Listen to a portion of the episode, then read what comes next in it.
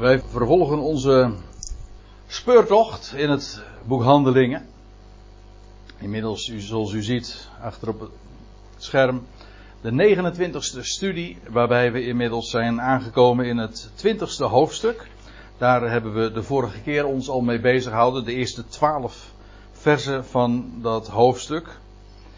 En dat betekent dus dat we vanavond verder gaan bij vers 13. En dan begint er ook in mijn Bijbeltje en in de uwe waarschijnlijk ook een, nieuwe pericoop. Maar zoals we dat altijd doen, stel ik voor nog eventjes terug te blikken. En dan beperk ik me even tot de, alleen de vorige keer.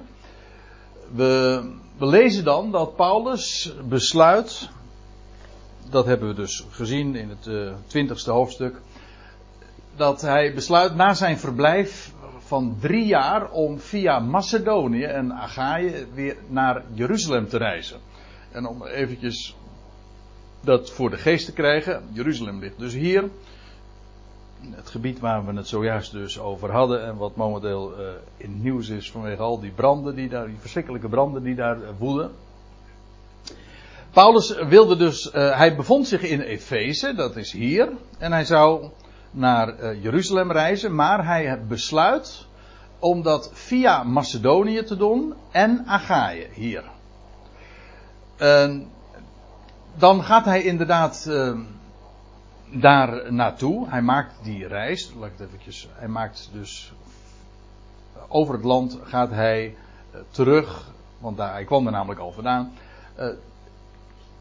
en komt dan in, in Macedonië aan. En tijdens die reis, weten we, schrijft hij respectievelijk de Tweede Korinthebrief als ook de Romeinenbrief. Terwijl ik nu zit te kijken kritisch naar mijn eigen aantekening, vraag ik me af hoe ik aan dat respectievelijk ben gekomen. Want daarmee suggereer ik dat hij eerst de Tweede Korinthebrief en daarna de Romeinenbrief heeft geschreven. Maar daar weet ik niks van. Dus hier moet ik dan toch maar even een correctie aanbrengen. Maar in ieder geval, beide brieven heeft hij geschreven. We hebben de vorige keer dat ook gezien. Dat is volstrekt helder. Als je de brieven naast elkaar legt en je legt dat naast handelingen. Dat heeft hij in die tijd geschreven. En als Paulus dan in Achaïe is, dan lees je dat hij een moordsaanslag, want die waren Joden hadden, uh, van plan op hem te plegen, om een uh, in Achaïe beraamde moordaanslag te vermijden, besluit Paulus niet per schip richting Jeruzalem te gaan, maar over land en dan dezelfde route weer terug te reizen. Dus om nog eventjes te gaan, dus hij was hier en hij gaat gewoon weer, aanvankelijk dus zou hij vanaf hier naar Jeruzalem reizen, maar hij besluit om veiligheidsredenen toch zo te gaan. En hij gaat, verkiest dus dezelfde route weer terug te gaan. En dan uh, komt hij dus, nou moet ik dan ook nog even vertellen, dan is hij in Troas, de naam die uh, we in boekhandelingen diverse keren dus ook tegenkomen. Beter bekend eigenlijk als Troje. Uh, van dat beroemde paard, u weet het wel. Maar daar in Troas, daar uh, brengt hij dan ook een, nog een, paar dagen voor. En tijdens zijn laatste avond in Troas, dat was trouwens in de, in de tijd van de ongezuurde broden, dus tijdens het Pesachfeest. Tijdens de laatste avond in Troas uh, lezen we dan, of vindt die wonderlijke geschiedenis plaats van Uitigus, die uh, tijdens Paulus' toespraak een fatale val maakt uit het venster, maar weer opstaat. Een hele eigenaardige met recht wonderlijke geschiedenis. En wat we daarbij vooral ook hebben gezien is dat het illustratief is voor de hele lijn in het boek Handelingen. En we hebben dat al, al zo vaak inmiddels opgemerkt. Dat als je een bepaalde voorval, een bepaalde geschiedenis leest. Dan is dat niet alleen maar een geschiedenis, een verhaal dat toen de tijd heeft plaatsgevonden. Dat is zo, maar het wordt ook vermeld omdat het een diepere betekenis heeft en helemaal ook past in het kader van, van de geschiedenis van het boek Handelingen. Die Lucas met het oog uh, daarop ook uh, vermeldt. En ja, denk maar eens een keertje aan de geschiedenis van die verlamde bij de poort. Dat is Handelingen 3, dat is nog voordat Paulus in de picture is. Maar die verlamde die aan de, aan de poort, aan de schone poort is. En dan wordt het, daar in dat verband wordt het er zelfs nog uitdrukkelijk bij vermeld, dat als Petrus later op het tempelplein de hele, een hele massa die dan samengedromd is toespreekt, dan zegt hij van ja, deze man heeft, is genezen als een beeld. Ik zeg het nu even met mijn eigen woorden, maar uh, met zoveel woorden zegt hij dat ook inderdaad. Dit is, dit is voor jullie een boodschap of een wonder met een betekenis. Oftewel dus een teken. Uh, later komen, ja, de steniging van Stefanus. Hoe vaak zijn we er niet op ge, al inmiddels op geattendeerd dat daar zoveel diepte achter ligt. En we zullen trouwens in de toekomst dat uh, nog veel vaker mee gaan, uh, gaan meemaken. Ik denk ook aan de geschiedenis van de schipbreuk. Wat natuurlijk heel uitgebreid beschreven wordt en waarvan je natuurlijk de vraag dan zou kunnen stellen van hoezo? Waarom is dat voor de, maakt dat voor de geschiedenis uh, zoveel uit, al die details? En dan blijkt dat ook weer opnieuw alles te maken te hebben met de verhaallijn van het boek Handelingen. Hoe de boodschap door Jeruzalem wordt afgewezen en vervolgens naar de natieën toe gaat.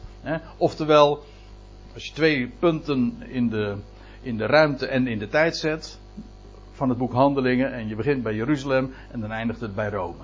Het begint bij de twaalf en het eindigt bij Paulus.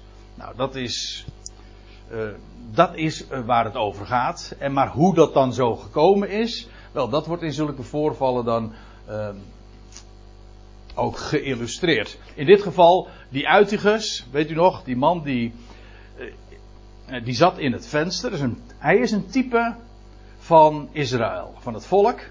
Dat in het venster zat, dat wil zeggen met uitzicht aan hunner zijn immers de belofte Gods gegeven. Maar tijdens Paulus' bediening, tijdens Paulus' woord, valt hij in slaap, wordt hij door slaap bevangen. En hij valt dood. Maar er is hoop, want Uitigus, zijn naam betekent geluk, hij wordt tot leven gewekt. Nou, als ik het zo zeg, dan ligt het er eigenlijk haast al dik, bovenop.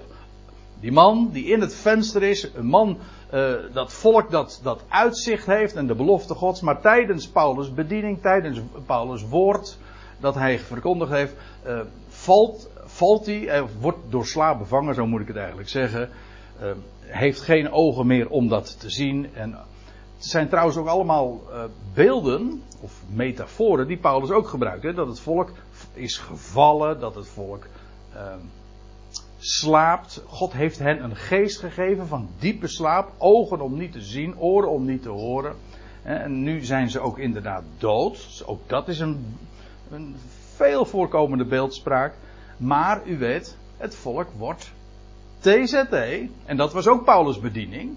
En, en, en, en de inhoud van zijn boodschap, dat volk zal tot leven worden gewekt.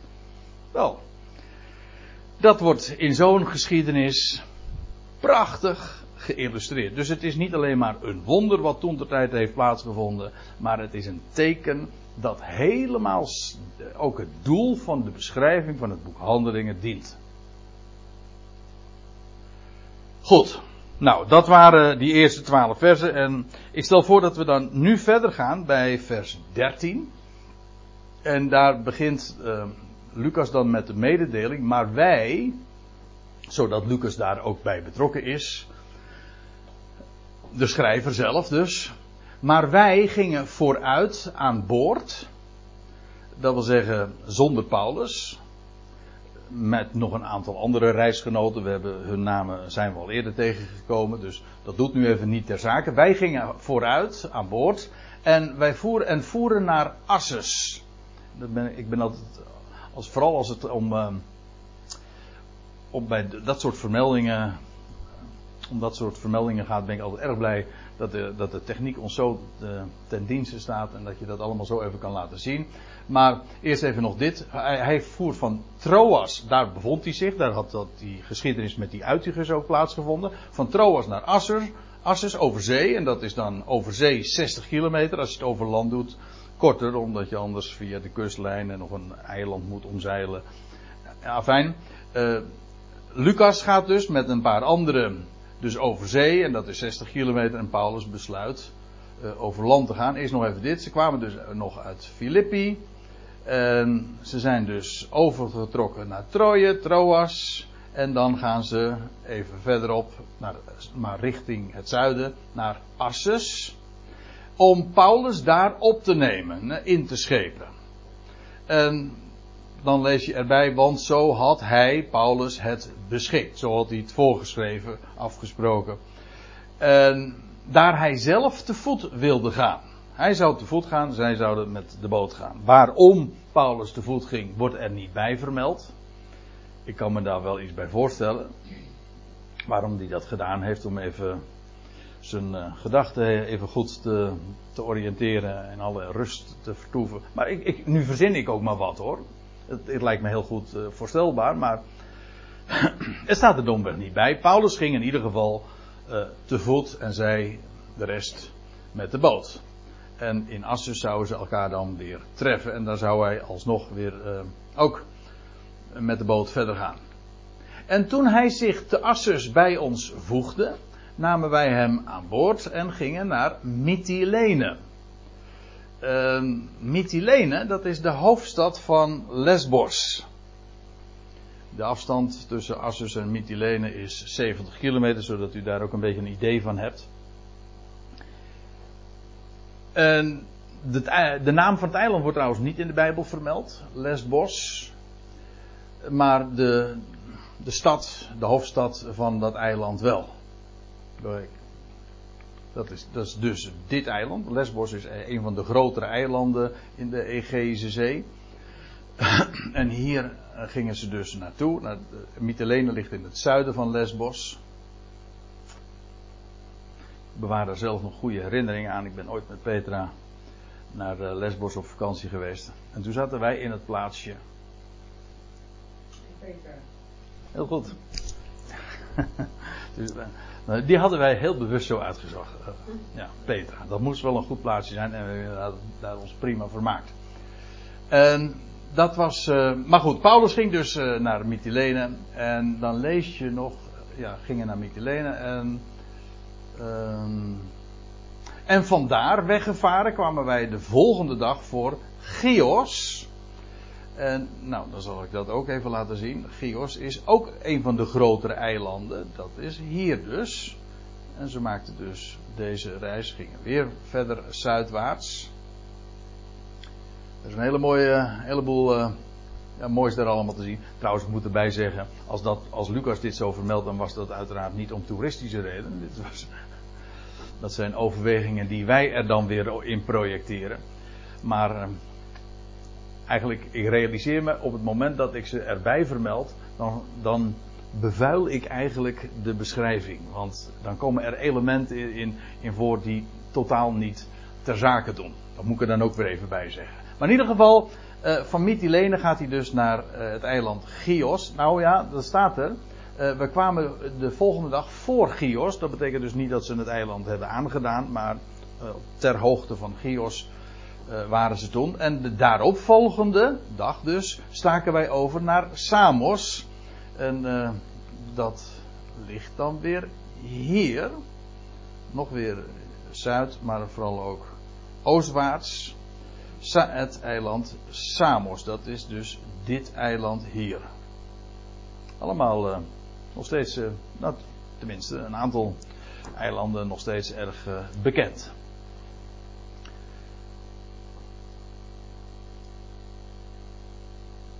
Alleen al in het, in het boek Handelingen worden heel van, veel van dat soort reisverslagen dan ook gegeven. En dan worden naam en toenaam allemaal daarbij vermeld. En je kunt gewoon die gang zo vervolgen hier een plaatje van dat uh, Samos, zoals het er tegenwoordig dan uitziet. En de dag daarna kwamen wij te Mileten. En nou ja, daar blijven we nu even voorlopig. Want Mileten, dat is dan weer hier. Mileten. Dat ligt dus aan de, wat wij dan zeggen, de Turkse kust. Dus een, dus een kustplaats. Dus geen eiland. En dat ligt op een uh, kleine afstand van Efeze. Maar laat ik eerst even verder nog lezen. Want staat er, Paulus had uh, zich voorgenomen, Paulus had geoordeeld. Uh, Efeze voorbij te varen. Daar had hij een heel specifiek motief voor. En Efeze, dat moet ik er dan ook nog eventjes bij vermelden. Hier heb je Mileten en Efeze lag een kilometer of ik meen 40, 50. Misschien dat er zo meteen nog bij vermeld. Maar iets in die orde ligt dat daar uh, vandaan. Dus Paulus was hier al, al die jaren geweest, uh, of ja, drie jaar had hij hier gewerkt. Nou goed, hij zou weer, hij ging er vervolgens via deze streek en Agaïe, Macedonië, Agaïe, zou hij naar Jeruzalem gaan, maar heeft hij niet gedaan. Dus hij is nu eigenlijk weer terug bij af. Hij is gewoon weer bij Efeze. Of vlakbij Efeze, maar in dit geval dus Mileten. En, want Paulus had zich geoordeeld Efeze voorbij te varen. Waarom? Om geen tijd in Azië te verliezen. Azië, dit is dus de streek van Azië. Hoe groot het precies is, weet ik niet, maar iets in deze orde. En wij noemen dat dan. Nou ja, eigenlijk uh, Klein-Azië. Maar dat is eigenlijk ook weer een verouderde term natuurlijk. Voor uh, Turkije. Maar Azië was van origine dus uh, alleen maar deze landstreek. Ik heb me zelfs laten vertellen dat het nog verder terug slechts een, een, een, de naam was van een akker. Lieg ik, dan lieg ik in commissie, maar dat heb ik ooit vernomen dat Azië van origine helemaal een akker was en de, en de, en de uitgestrektheid van de akker nam enorm toe, zeg maar. En nu is het zelfs een gigant, het grootste werelddeel. Azië. Maar van origine was het dus uh, een akkertje. Ja. Maar goed, uh, Paulus had uh, geoordeeld om Efeze voorbij te varen, om geen tijd in Azië te verliezen. Want staat er, hij haastte zich om zo mogelijk, dus ja, of het inderdaad zou te realiseren zou zijn, dat, dat lag, was nog te bezien, was onzeker. Om op de Pinksterdag, op de vijftigste, want dat is wat Pinksteren betekent. En dat herinnert natuurlijk ook weer aan de Joodse kalender, of moet ik zeggen, de hoogtijden van Yahweh. Waarbij er eerst sprake is van Pesach. En dan in, in verband met dat feest van Pesach heb je de dag van de eerstelingsscharven. We hebben het er de vorige keer nog over gehad. Over de, de dag van de eersteling. Dat is de dag dus ook dat de Heer Jezus opstond uit de doden. En dan vanaf die dag zou men uh, zeven sabbatten tellen en dan de vijftigste dag, Pinksteren, zou er opnieuw eerstelingen geoogst, uh, aangeboden worden aan de heren. Maar dan uh, van de tarweoogst. Eerst de gerstenoogst en daarna de tarweoogst. Afijn, Shavuot. Ja, Shavuot, het we of, want in het Hebreeuws heet het dan het wekenfeest. Een week van weken, 7 maal 7. Dus 49, na de 49ste dag krijg je de 50ste dag, uiteraard. Um, wel, die vijftigste dag, dat was ook zo'n zo'n moment dat pelgrims uh, Jeruzalem aandeden. En Paulus wilde daar ook bij zijn, als het even kon. En hij haastte zich dus om in Jeruzalem te zijn. En nou, aangezien we gelezen hebben dat net een paar dagen eerder dat gebeuren in Troas had plaatsgevonden. En dat was op de dag van de. Uh, hoe staat het er? op uh, de eerste van de Sabbatten. We hebben daar de vorige keer nog op stil, bij stilgestaan. Maar dat houdt dus verband met Pesach. Dus, nou ja, aangezien het nu inmiddels een, weer een week verder is, uh, was, waren er nog zes weken te gaan. Dus ongeveer. Voordat het Pinksteren, het wekenfeest in Jeruzalem, gevierd dan zou worden.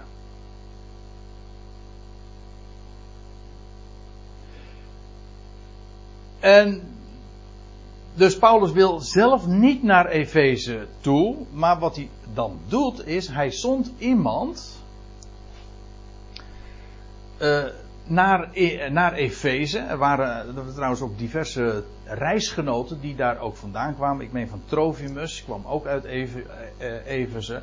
En wellicht dat hij die, of, maar goed, dat weet ik ook niet zeker. Hij zond in elk geval iemand tot in Efeze staat er dan.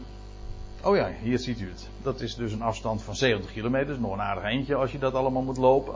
Want ja, hij ontbood ze. Dat betekent dus dat, hij, dat die gasten dus ook nog eens een keertje terug moesten komen.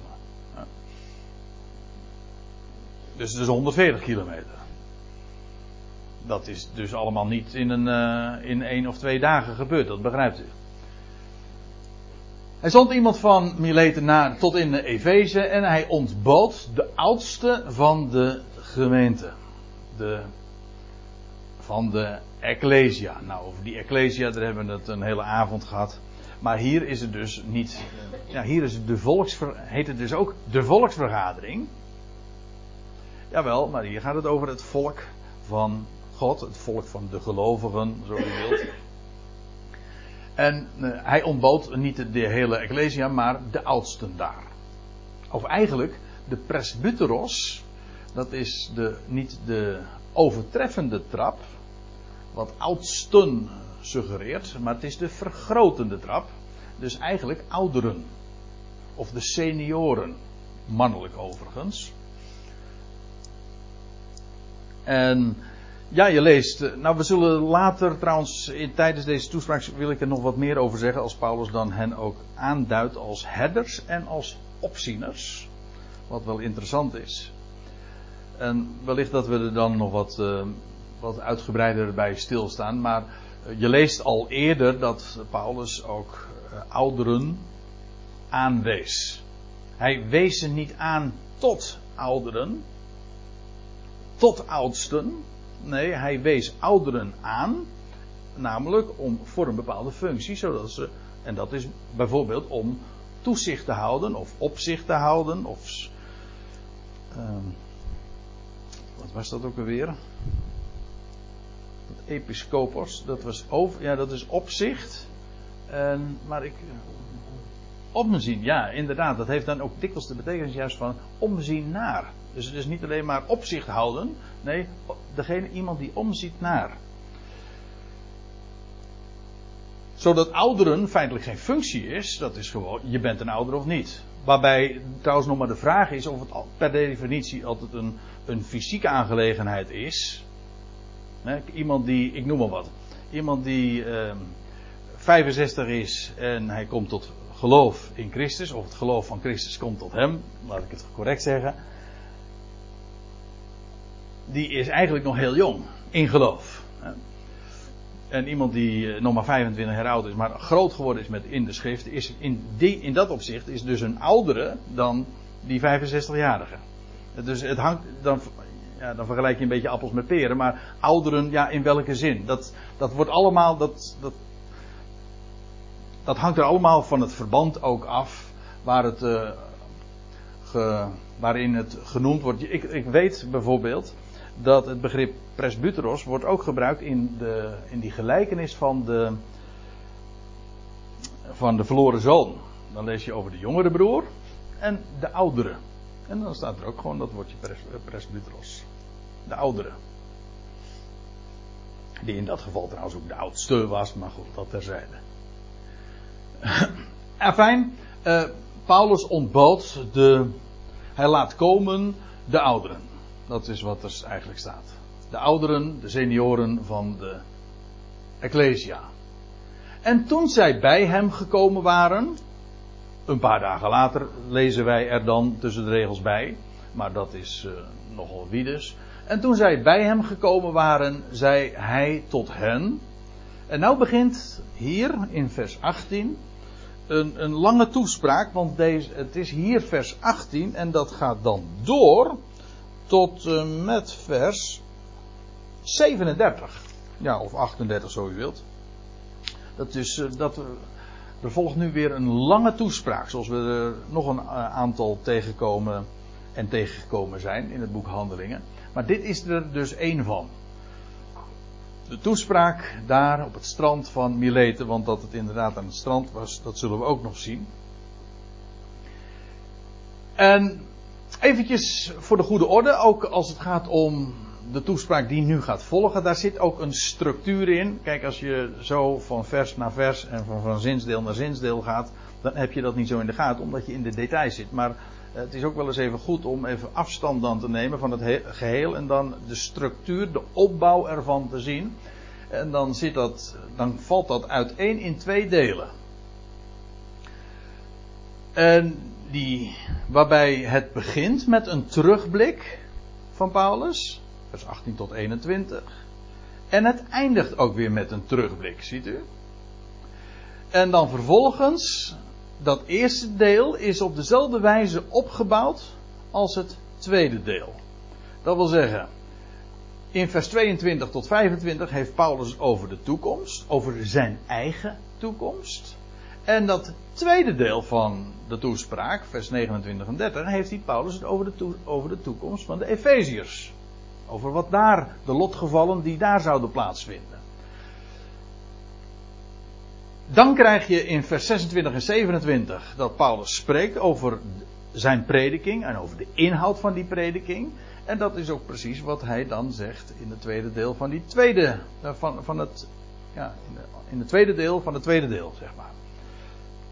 In vers 31, dat hij ook op, daar opnieuw weer op terugkomt. En dan in vers 28 heeft, doet Paulus een oproep, hartstochtelijke oproep aan de Efeziërs. En dat doet hij dan ook weer in het tweede deel.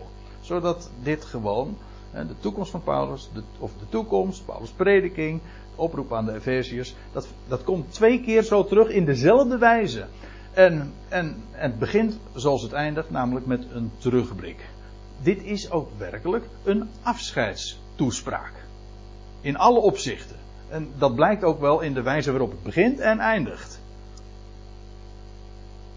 Dit is de laatste keer, we zullen dat ook straks nog wel zien, dat Paulus daar heel expliciet ook aan refereert. De laatste keer dat ze zijn aangezicht zullen zien. Dus dat even wat het, eh, het totaal aanblik van deze toespraak betreft. De structuur die je dan, die je dan opmerkt.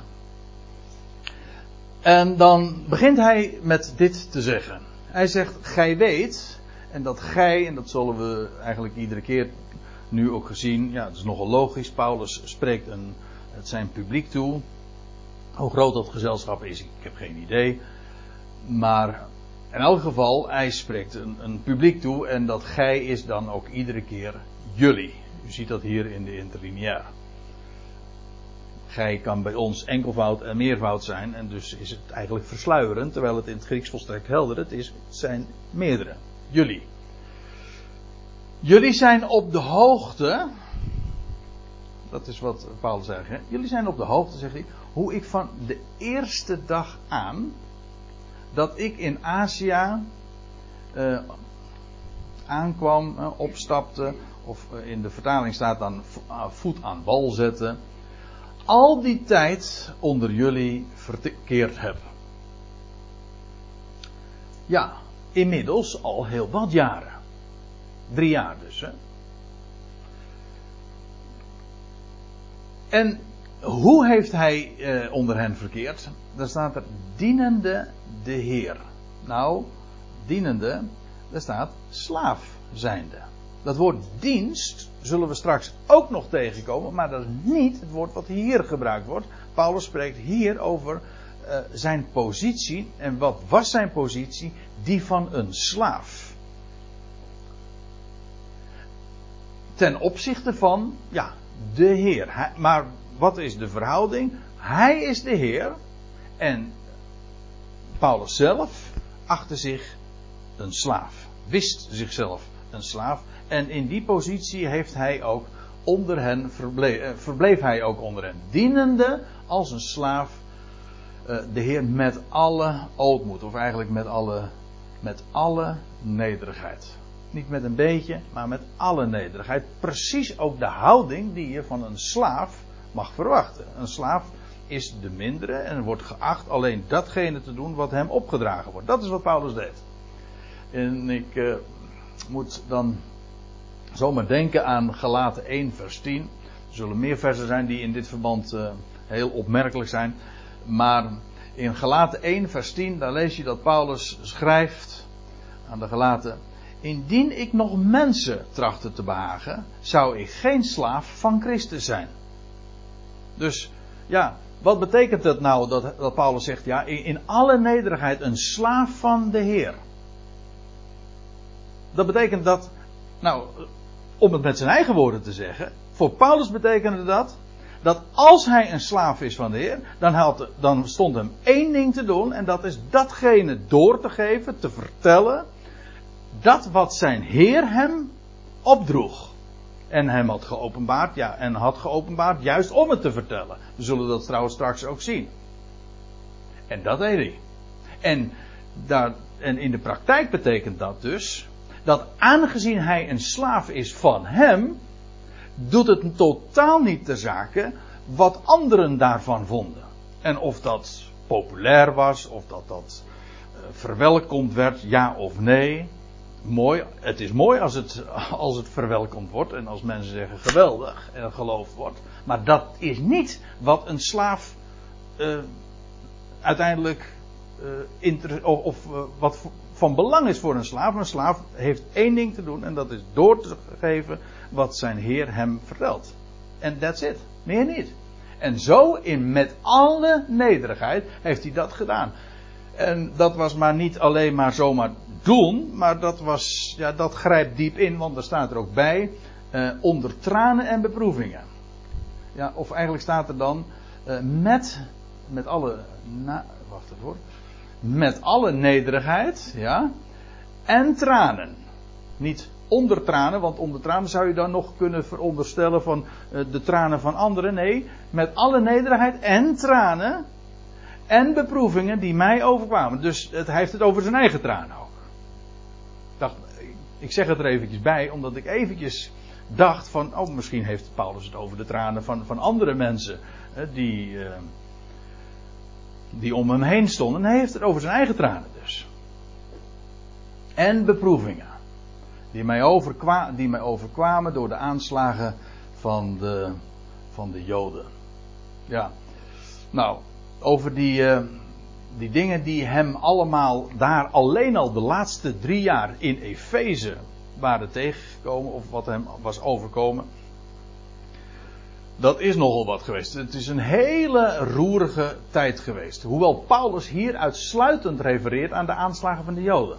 Ziet u? tranen en beproevingen die mij overkwamen door, door of letterlijk in de aanslagen van de Joden. U begrijpt trouwens ook wel dat juist de aanslagen van de Joden hem het meest hebben geraakt. Uiteraard, want ja, nou verbleef hij daar in de diaspora. Hij bracht de God van Israël, de God van de Joden, die in de synagoge gediend werd. Maar uitgerekend door de Joden of bij hen ontmoette hij zoveel tegenstand. En ik moet u zeggen, als ik daarover doordenk, dan begrijp ik ook die tranen heel goed. En beproevingen. Dat, dat, is, dat zijn testen. Daarin word je ook met recht ook wel als slaaf beproefd. Want ja, om, dan, om dan trouw te blijven aan je Heer en niet aan de affecties en aan de sympathieën en, en al dat soort gevoelens uh, in mee getrokken te worden. En om dan maar een klein beetje te dimmen, hè, zoals we dat dan noemen. En, en, de boodschap een beetje in te, aan te passen. En ja, die verleiding is, ligt dan natuurlijk enorm op de loer. Dat is met recht een beproeving. En wat hij ja, daar allemaal heeft uh, meegemaakt. We hebben dat natuurlijk al gelezen in Handelingen 19 zelf. Dat hij eerst drie maanden dan in de synagoge. Daar wordt hij uh, uitgewerkt. Uh, vervolgens komt hij in die school van Tyrannus, is hij twee jaar actief, maar ook heel veel tegenstand. Nou, we hebben natuurlijk, we hebben ook gelezen over uiteindelijk dan die, in dat, dat die grote vergadering in, in, in dat theater, waar, ook, waar die bijna verscheurd wordt. Dus ja, dat is nogal wat. Maar laten we eens even lezen. In 1 Korinthe 15, vers 32, daar lees je uh, ook over de ervaringen die hij zo heeft opgedaan in Efeze. Indien ik te Efeze, naar de mens, met wilde dieren gevochten heb. Wat baat het mij? Ja, hoe kon Paulus dat alles doorstaan? De test als, als slaaf doorstaan? Wel, Paulus wist waar hij het voor deed. En dat had alles te maken met de inhoud van de boodschap die hij doorgaf. Indien er geen doden worden opgewekt, laten we eten en drinken, want morgen sterven wij. Ja, maar nu, doden worden wel opgewekt en dat is, maakt nou precies al het verschil. Dus de inhoud van datgene wat hij bracht, ja, die waren nou precies ook de reden waarom hij al die beproevingen en die tranen en die aanslagen en die tegenstand en die wilde dieren en die gevechten, dat, eh, ja, zulke beestachtige omstandigheden allemaal heeft doorstaan. Je leest nog even later in 1 Korinthe 16, maar ik, dan zegt hij: Ik zal nog tot Pinksteren te Efeze blijven. Dit is een beetje verwarrend wat ik nu zeg. Uh, nou ja, wat ik voorlees, want nou zou je denken: hé, hey, weer Pinksteren. Hetzelfde Pinksteren. Nee, dat is, dat is een jaar of twee jaar eerder geweest. Want want nu zegt hij: Ik zal nog tot Pinksteren te Efeze blijven. Maar ik, u zei wel dat Pinksteren komt elk jaar weer terug. Hij heeft drie jaar in Efeze gebleven. Dus hij heeft ook een paar jaar uh, Pinksteren in Efeze gevierd. Hè? Goed. Ik zal nog tot Pinksteren te Efeze blijven. En waarom citeer ik dit nu even? Want, zegt hij dan, mij is een grote en machtige deur geopend. Dit zegt hij dus, dit schrijft hij aan de Corinthiërs, in Agaïe, weet u wel. Hij zegt, ik blijf in Efeze, ik kom wel naar jullie, maar voorlopig nog even niet. Want mij is een grote en een machtige deur geopend. Dus in Azië is daar, is, uh, nergens wordt dat zo gezegd als juist in Azië, dat daar zo, dat daar zo'n enorm arbeidsterrein en dat daar zoiets, zulke geweldige dingen gebeurd zijn als juist in die omgeving in Azië, in Azië. Daar is hem een machtige deur geopend. En, zegt hij, er zijn vele tegenstanders. Die gaan altijd hand in hand. Maar die tegenstand had hij natuurlijk eh, van diverse zijden. Ook van wereldlijke zijden. Maar ook als hij die uh, tegenstand had van wereldlijke zijde, was dat nog weer van de godsdienstige kant. We hebben dat toen ook gezien, hè, van die Demetrius, die zilversmid. Dat hele gilde, maar die hadden hun verdiensten helemaal te danken aan, de, ja, aan die hele afgoderij van Artemis en Diana, weet u wel. Godsdienstig van aard. De, de tegenstand waar Paulus mee doen had, was altijd godsdienstig van aard in het bijzonder, en daar refereert Paulus dus in handelingen ook aan, van de zijde van de Joden, dus van de orthodoxie, degene die de Bijbel hadden. Dat was de meest gevoelige, ik bedoel ook hè, eh, aangrijpende voor Paulus, de meest gevoelige en de meest harde, maar ook de meest uh, uh, fanatieke tegenstand, massief, waarmee hij van doen had. Vele tegenstand. Hij zegt in 2 Korinthe, refereert hij ook aan die tijd, want zegt hij, wij willen u niet onkundig laten, broeders, van de verdrukking in Azië. En dan heeft hij het vooral weer, ja, het hoofdkwartier van Azië was toch Efeze, de stad, daar in die hele landstreek, in die provincie.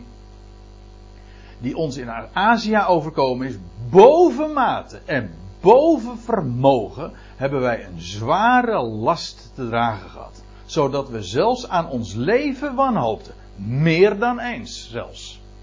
Dat, staat hier dan niet, maar dat weten we dan uit andere passages weer. Verdrukking, bovenmate en boven vermogen. Een zware last. Nou, dat lijkt me toch allemaal wel heel duidelijk over die tijd. Uh, je leest dat zo van ja, er gebeuren geweldige dingen. Het woord uh, deed daar zo zijn werk. Jawel, maar dat was. Uh, dat was uh, bikkelharde arbeid. Daar kwam het gewoon op neer. En dat uh, greep diep ook in, in, in, in, in Paulus' eigen leven, in zijn eigen ziel. Nou ja.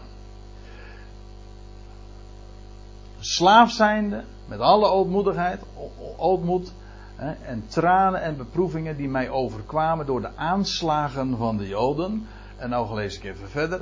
En hoe ik niets nagelaten heb.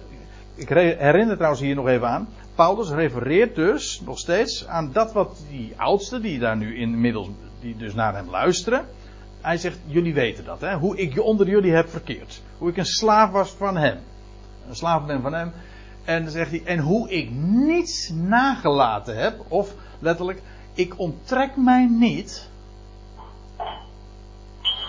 ik, ik onttrek mij niet Aan, aan wat dan ook. Niets, aan, aan niets onttrek ik mij dus. Van hetgeen nuttig was, of letterlijk nuttig zijnde, om u te verkondigen en te leren. Dat wil zeggen, alles. Kijk, dit is eigenlijk ook niks anders dan alweer een, een nadere toelichting op, het, op de positie die Paulus in zijn arbeid had als slaaf. Hij deed wat zijn Heer hem opdroeg en hij vertelde wat hij moest vertellen. En hij heeft zich daar aan niets onttrokken. En alles wat tot opbouw was, wat nuttig was, heeft hij verkondigd en ook geleerd, onderwezen. Trouwens, hier staat het woordje wat nuttig is, nuttig zijnde. En ik heb uh, eventjes uh, in het mooie ISA-programma uh, gekeken. En toen kreeg ik dit te zien. En dan zie je hoe mooi. Menno, dat moet jou toch erg aanspreken als ik dit zo even laat zien. Kijk, dan heb je hier. Dit is de concordant, concordante Nederlandse weergave. Idiomatisch noemen we dan cliffs, maar dat maakt niet verder niet uit. Dit is de NBG-weergave. Het gaat eventjes om dit ene specifieke Griekse woord. Kijk, als je het concordant weergeeft, dat, dat heeft, uh, dat, heeft uh, dat is in het ISA-programma zo gegaan. Menno heeft het zo, zo weergegeven. Ja, hij moest dit doen. Want, ja, hij, je wil het woord van God één op één overzetten. Dat is misschien niet altijd idiomatisch zo mooi en aantrekkelijk. Of, maar als je het één op één wil overzetten, je wil overzetten dat wat er staat, krijg je dit. Kijk, en de MBG zegt dan voor de ene keer het is beter, of het is in belang, of het is nuttig, het is raadzaam. Het is tot welzijn. Allemaal tot je dienst. Ik bedoel dit ook helemaal niet eens als kritiek op. Maar uh, dit is gewoon de wijze uh, wat het is en uh, wat, er staat. En zoals dat dan concordant, eensluidend wordt weergegeven. En als je echt opgebouwd wil worden in de schrift, dan wil je weten, als, als je opgebouwd wil worden, als het, nut, als het je echt nuttig is, om even in de beeldspraak of in deze terminologie te blijven, hè, dan wil je weten, wat staat er? Dit is nuttig. En inderdaad, dat is beter. En dat is ook in je eigen belang. En het is ook heel raadzaam. En dat is beter. En dat is tot welzijn. Dat is waar. Het is nuttig. Precies. Dus ik heb niet nagelaten, niets nagelaten van hetgeen nuttig uh, is om jullie te verkondigen en te onderwijzen in het openbaar, aan publiek, publiekelijk dus, en binnenshuis. In, dus ook, eigenlijk de tegenstelling is dus, Hè, dit is, is duidelijk een tegenstelling. Publiek en in, in huizen. Hè, in de huisbijeenkomsten. Dat is eigenlijk wat het is. Eigenlijk staat er naar huizen. Of in overeenstemming met huizen. Ja, zo zeg je het natuurlijk niet in het Nederlands. Staat trouwens in de, uh, in de King James. Um, from home till home of zoiets. Hè, van, van huis tot huis. En, hè, van huis tot huis. Ja, maar uh, dat vind ik ook een mooie. Um, we, we, zullen straks trouwens de, een soortgelijke uitdrukking tegenkomen. Nog misschien wel een van de volgende versen al. Dat Paulus spreekt over van stad tot stad. En dan staat er ook eigenlijk dezelfde uh, Griekse constructie. Maar ik, ik, ik, wijs er eventjes op. Omdat ik nog niet zo lang geleden had ik een twee hele aardige dames aan de deur. En die waren van het wachttorengenootschap. Die, en nou, toen, toen kwamen we hadden heel, wat er trouwens een, ik heb nog, ik heb tientallen, zo niet honderden keren met Jehovah's getuigen gesproken en, en, soms hele felle discussies. En dit was een heel, ja, het waren twee heel aardige meiden, dus daar ga je geen ruzie mee maken natuurlijk. zou dat ook dan nog een factor geweest zijn? Nee, maar ik, ik, ik eh, ze, ze, kwamen op mij in ieder geval heel oprecht over. Maar even los daarvan. Toen kwam het even te spreken over, over ja, waarom ze dit deden. En toen zeiden ze, ja, ja, dit deed Paulus ook al. Die ging namelijk ook van huis tot huis. En dat, daarbij doelden ze natuurlijk op deze tekst. Ze, hebben er nog eentje in de Evangelie waar iets soortgelijks staat. Maar het is natuurlijk hier niet de gedachte. En dan, en dan, kijk, van huis tot huis, dan kun je denken van nou dat Paulus gewoon daar in Efeze aanbelde of aanklopte. Nee, nee, dat vind ik ook onaardig. Dat wil ik niet zo over deze mensen van het wachtwoordengenootschap zeggen. En dan van huis tot huis ging. Nee, het gaat hier. Want in feite, dat van, van huis tot huis, wat de Jehovah's doen, is eigenlijk ook een publieke bediening. Ze komen daar niet in de huizen, maar ze gaan. Het is een openbare bediening ook. Maar Paulus heeft het hier juist over in het openbaar, aan publiek, maar ook privé, in een privézetting, gewoon in de huizen. Dus het idee is niet dat hij de huizen langs ging en aanklopte en iedereen trakteerde op het evangelie. Zo. Dus die kan ik, uh, nou als je toch even een beetje uh, nadere kennis neemt van, van de tekst, dan kun je zo'n verwijzing niet goed rekenen als dit dan aangevoerd als motief van ja, Paulus deed dit ook al. Hè, en daarom gaan wij ook uh, bij elk huis aan, aankloppen of aanbellen. Aan publiek, dat is wat Paulus zegt. Ik heb niets nagelaten van, al wat, van, van hetgeen nuttig is. Om te verkondigen, te onderwijzen. Aan publiek, binnenshuis, kortom, overal. Het was dus. Uh, ja, iedereen, uh, iedereen mocht het weten, iedereen moest het weten. En zo heeft hij het ook verteld. Joden en Grieken betuigende. Jo, dat, als hij dat zo zegt. Joden, bovendien ook Grieken. Helenen, Helen, ja, de Helenen, de Grieken, betuigende.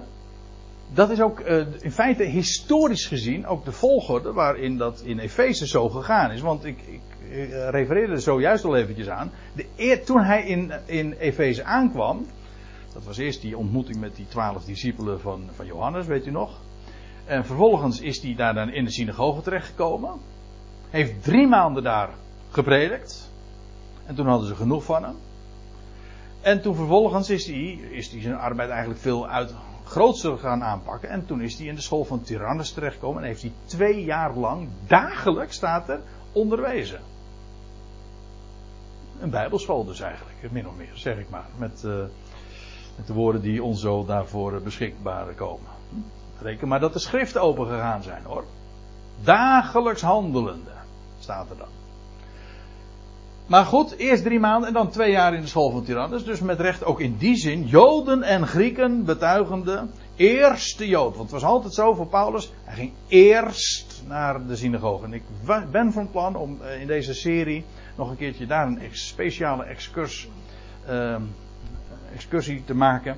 Een avond te wijden over, over Paulus' dienst.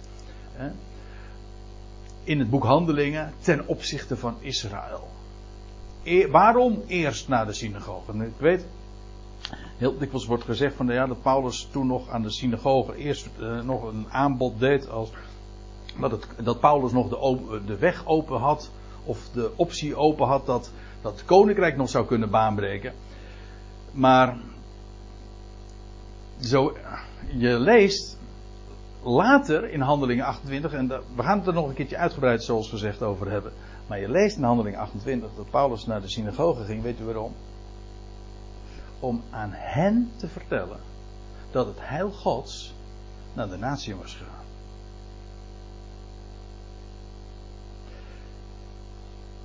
Israël moest weten dat het heil van God naar de natieën was gegaan. En dat was een hele unieke bediening. En dat was natuurlijk ook precies de reden waarom Paulus, en ja, de twaalf ook wel, maar met name Paulus zo enorm gevoelig lag daar in, Israël en Jeruzalem. Nou, we zullen dat in het volgende hoofdstuk nog uh, uitgebreid gaan bespreken. Zodra Paulus daar in Jeruzalem aankomt, dan breekt de hel los. Ik zeg het eventjes uh, met, even populair, maar daar komt het toch ongeveer wel op neer. Ja, ik hoor Dora denken van, maar die hel bestaat toch niet? Nou ja.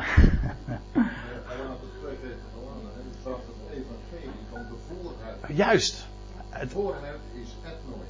Ja, van de natie. Hij bracht dus eigenlijk een heidense boodschap. Dat was het. Dat was de, de, de angel. En hij, maar dat ging, hij ging dus aan de Joden vertellen. In de synagoge. Eerst zij moesten weten dat het Heilige God naar de natie gezonden was. Dat was niet Daar waren ze natuurlijk niet mee van dienst en getrakteerd. Not amused, inderdaad. Joden en Grieken betuigende. Nou, uh, wat hij hen dan betuigde, ik stel voor dat we ons daar. Uh, uh, dat parkeer ik dan even voor na de pauze.